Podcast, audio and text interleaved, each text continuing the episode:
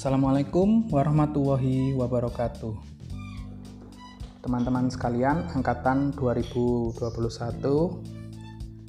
ya, selamat kita sudah mencapai tahap TS ya bagi mata kuliah pengantar sosiologi antropologi untuk UTS ini dilakukan dalam bentuk uh, observasi lapang yang bertajukkan socio-history camp ya. Sebenarnya socio-history camp ini adalah satu bentuk uh, kegiatan berkumpul, tetapi karena masa pandemi kita akan lakukan secara terbatas dan dilakukan dalam konsep observasi lapang. Nah, tetapi harus ada satu perhatian tentang apa yang diobservasi, tentang apa yang akan dilakukan rekan-rekan 2021B untuk bagaimana menyelesaikan ujian tengah semester uh, ini ya.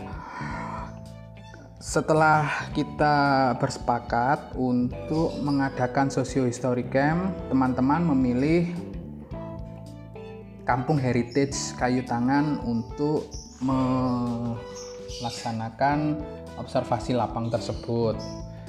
Nah, kemarin sudah dibagi kelompok-kelompoknya menjadi lima. Nah, sekarang tugasnya adalah dari dari lima kelompok tersebut kita membagi dalam topik-topik yang nantinya akan diobservasi teman-teman uh, di dalam kegiatan Socio History Camp 2021. Setiap kelompok memiliki soal yang berbeda-beda yang nanti teman-teman harus tanyakan ketika berada di lapangan. Ini semi penelitian ya, penelitian kecil.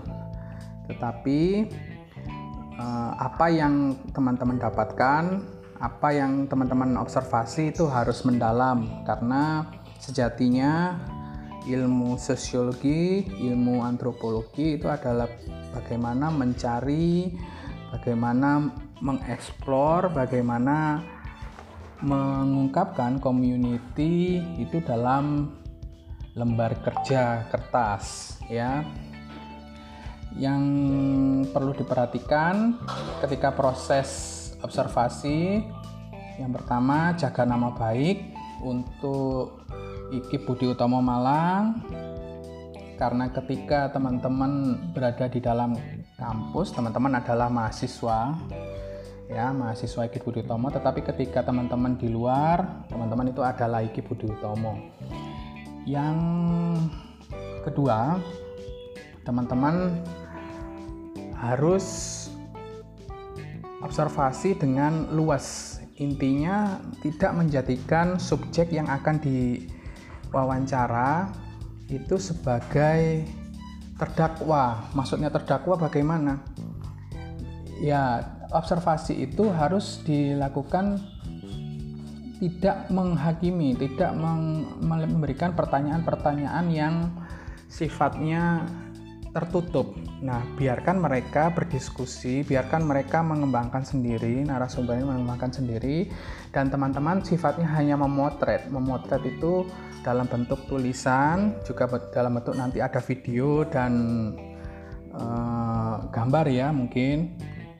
Itu teman-teman juga harus uh, enjoy dalam melakukan wawancara ya Jangan kalimatnya seperti ini, Pak kami dari mahasiswa Iki Budi Utomo ingin melakukan wawancara. Bukan seperti itu ya. Nah bagaimana di proses dialog itu menjadi proses cangkruan ya kalau dalam bahasa Jawa. Kalau bahasa Indonesia-nya itu adalah proses bicara santai ya. Itu yang harus diperhatikan.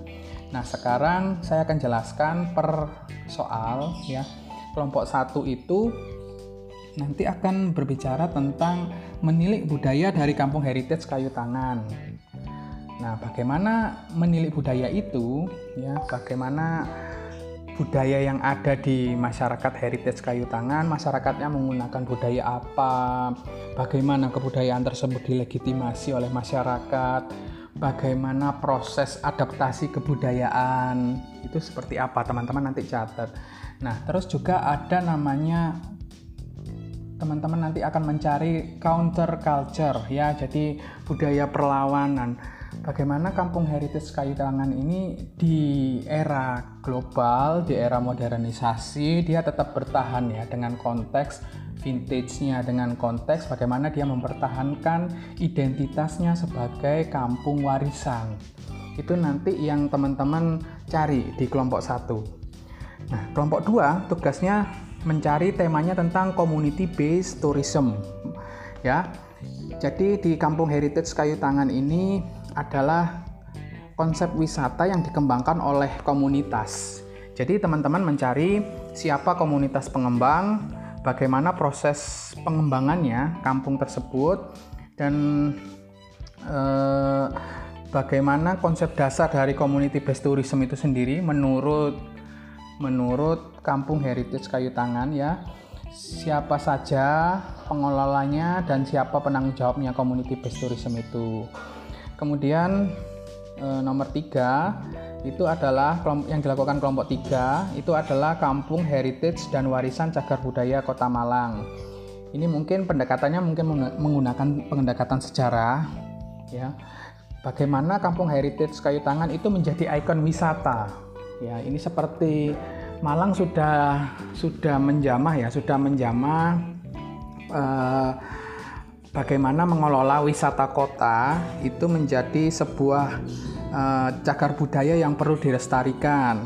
Sebenarnya konsep ini sudah dilakukan di masyarakat kota Jogja. Nah, sekarang uh, beralih ya, beralih.